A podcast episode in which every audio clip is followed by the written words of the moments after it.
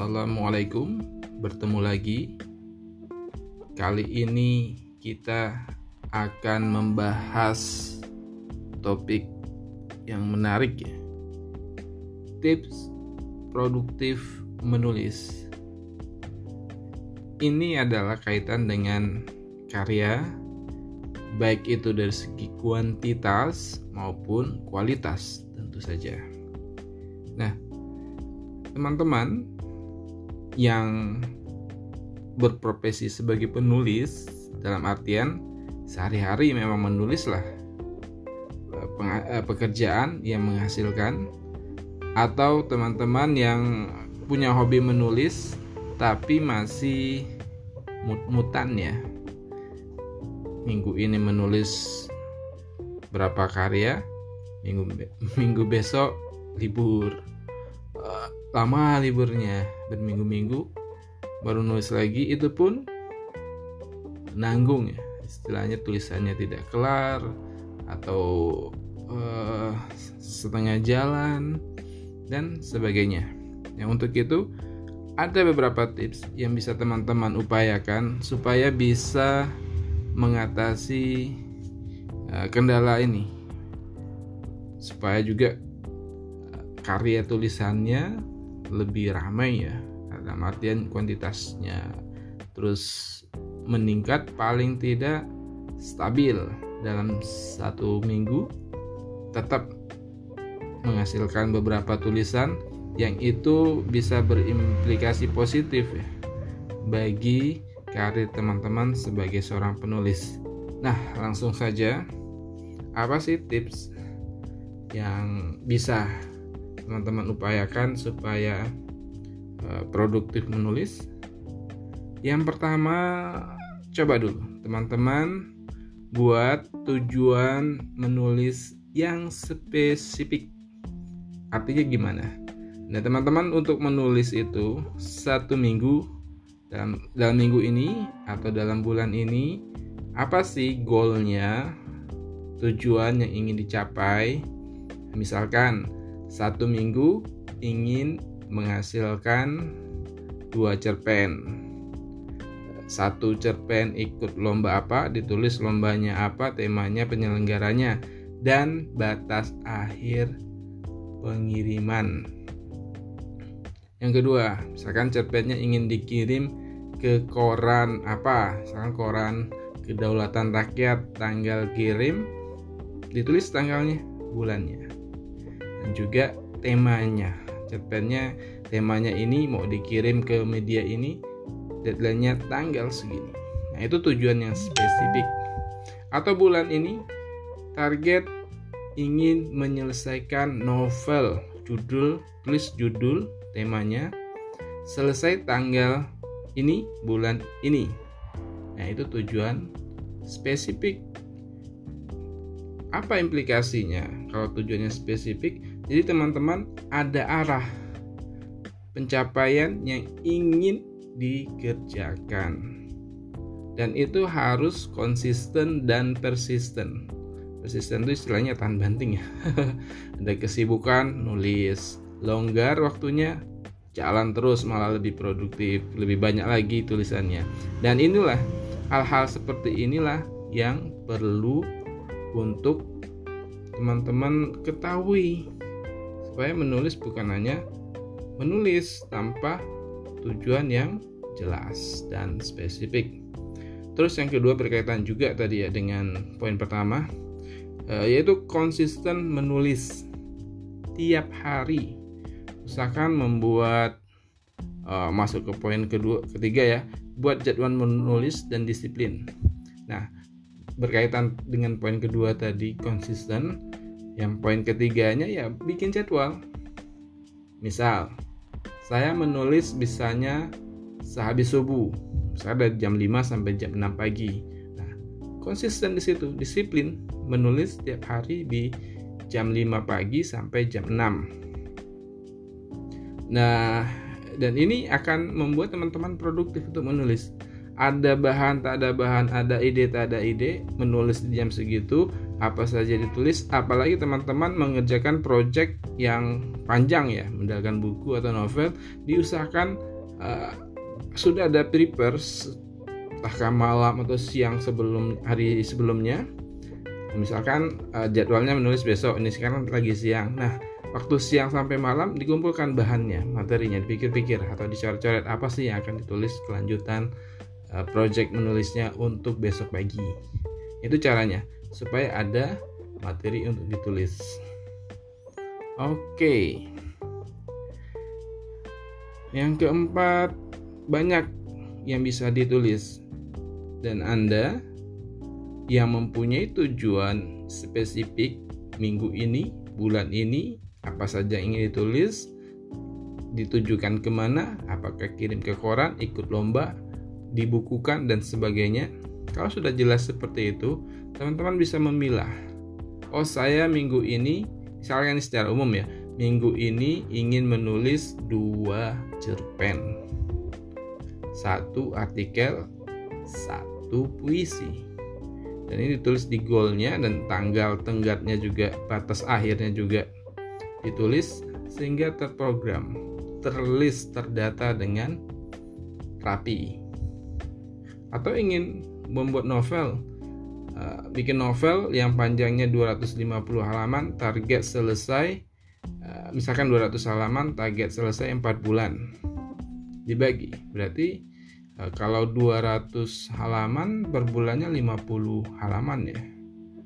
50 halaman satu hari ya sekitar 1 sampai 2 lembar 2 halaman. Gampang kan? 1 sampai 2 halaman.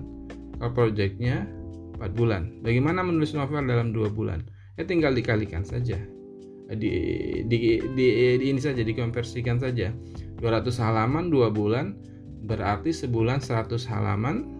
Sehari paling tiga 3 sampai 4 halaman.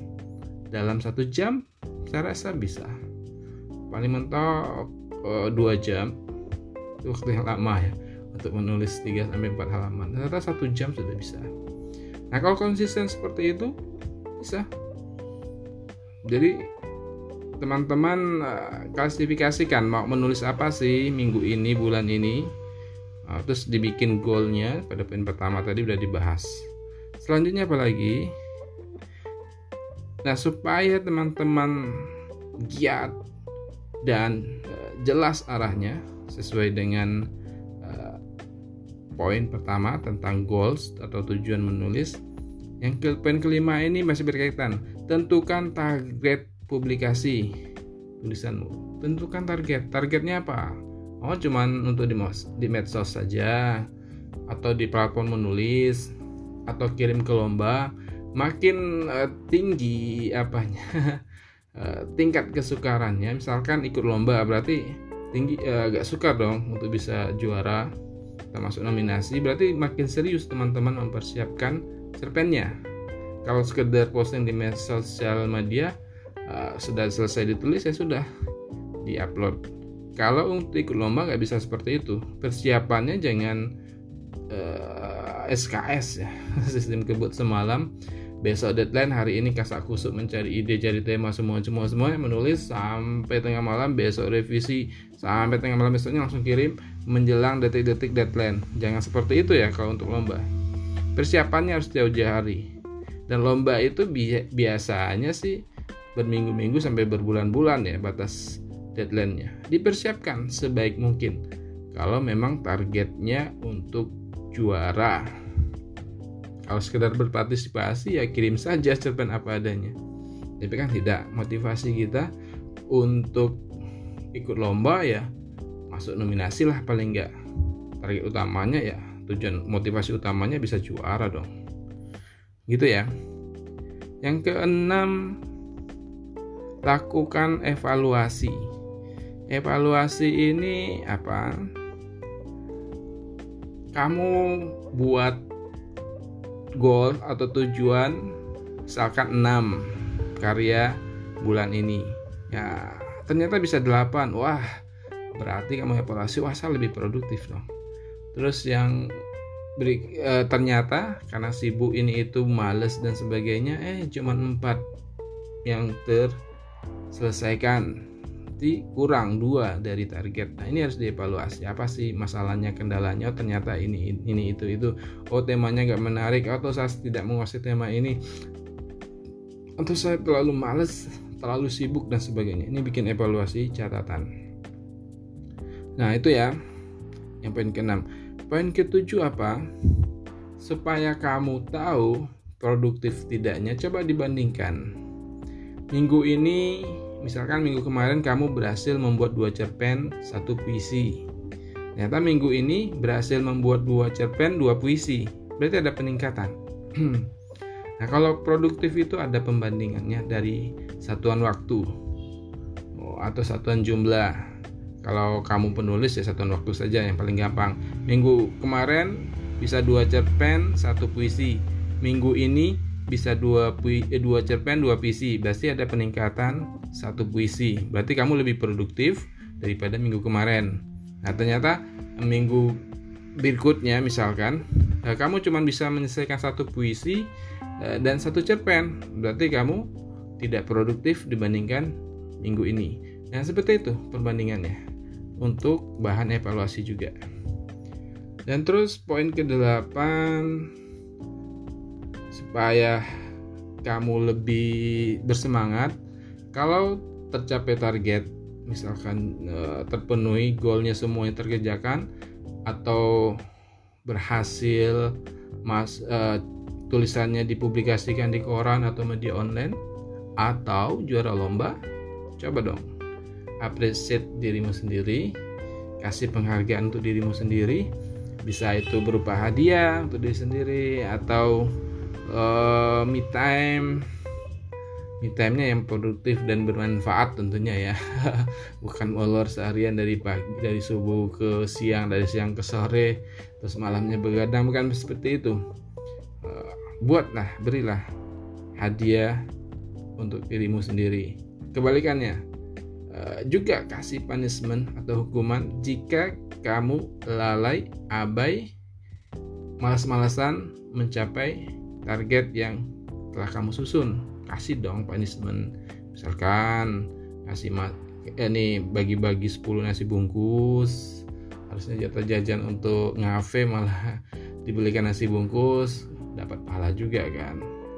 Atau sedekah atau nolong bersihkan kamar temen itu satu punishment yang positif ya supaya kamu termotivasi untuk memenuhi target yang telah kamu susun. Nah, itu itu juga salah satu cara supaya kamu tetap produktif dan menjaga uh, konsistensi kamu dalam menulis. Terus yang terakhir 9 nih poin yang penting juga ya.